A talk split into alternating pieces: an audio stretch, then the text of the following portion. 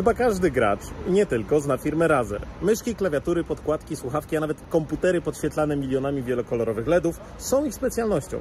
Niedawno pojawiła się jednak wiadomość, że padli oni ofiarą cyberprzestępców. Na sprzedaż wystawiono kody źródłowe, bazy danych, adresy mailowe czy klucze szyfrujące należące do firmy. Cena? Równowartość 100 tysięcy amerykańskich zielonych dolarów, oczywiście w kryptowalucie Moneru. Cena podlega negocjacji. A co na to Razer? Cóż, odpowiedzieli na twitterowy wątek w tym temacie, są świadomi potencjalnego złamania zabezpieczeń ich systemów i sprawdzają, co tak naprawdę się stało. Zresetowali też dostępy do swoich usług wszystkim ich użytkownikom. Muszą oni nadać nowe hasła przy pierwszym logowaniu. Cóż, czekamy na więcej informacji.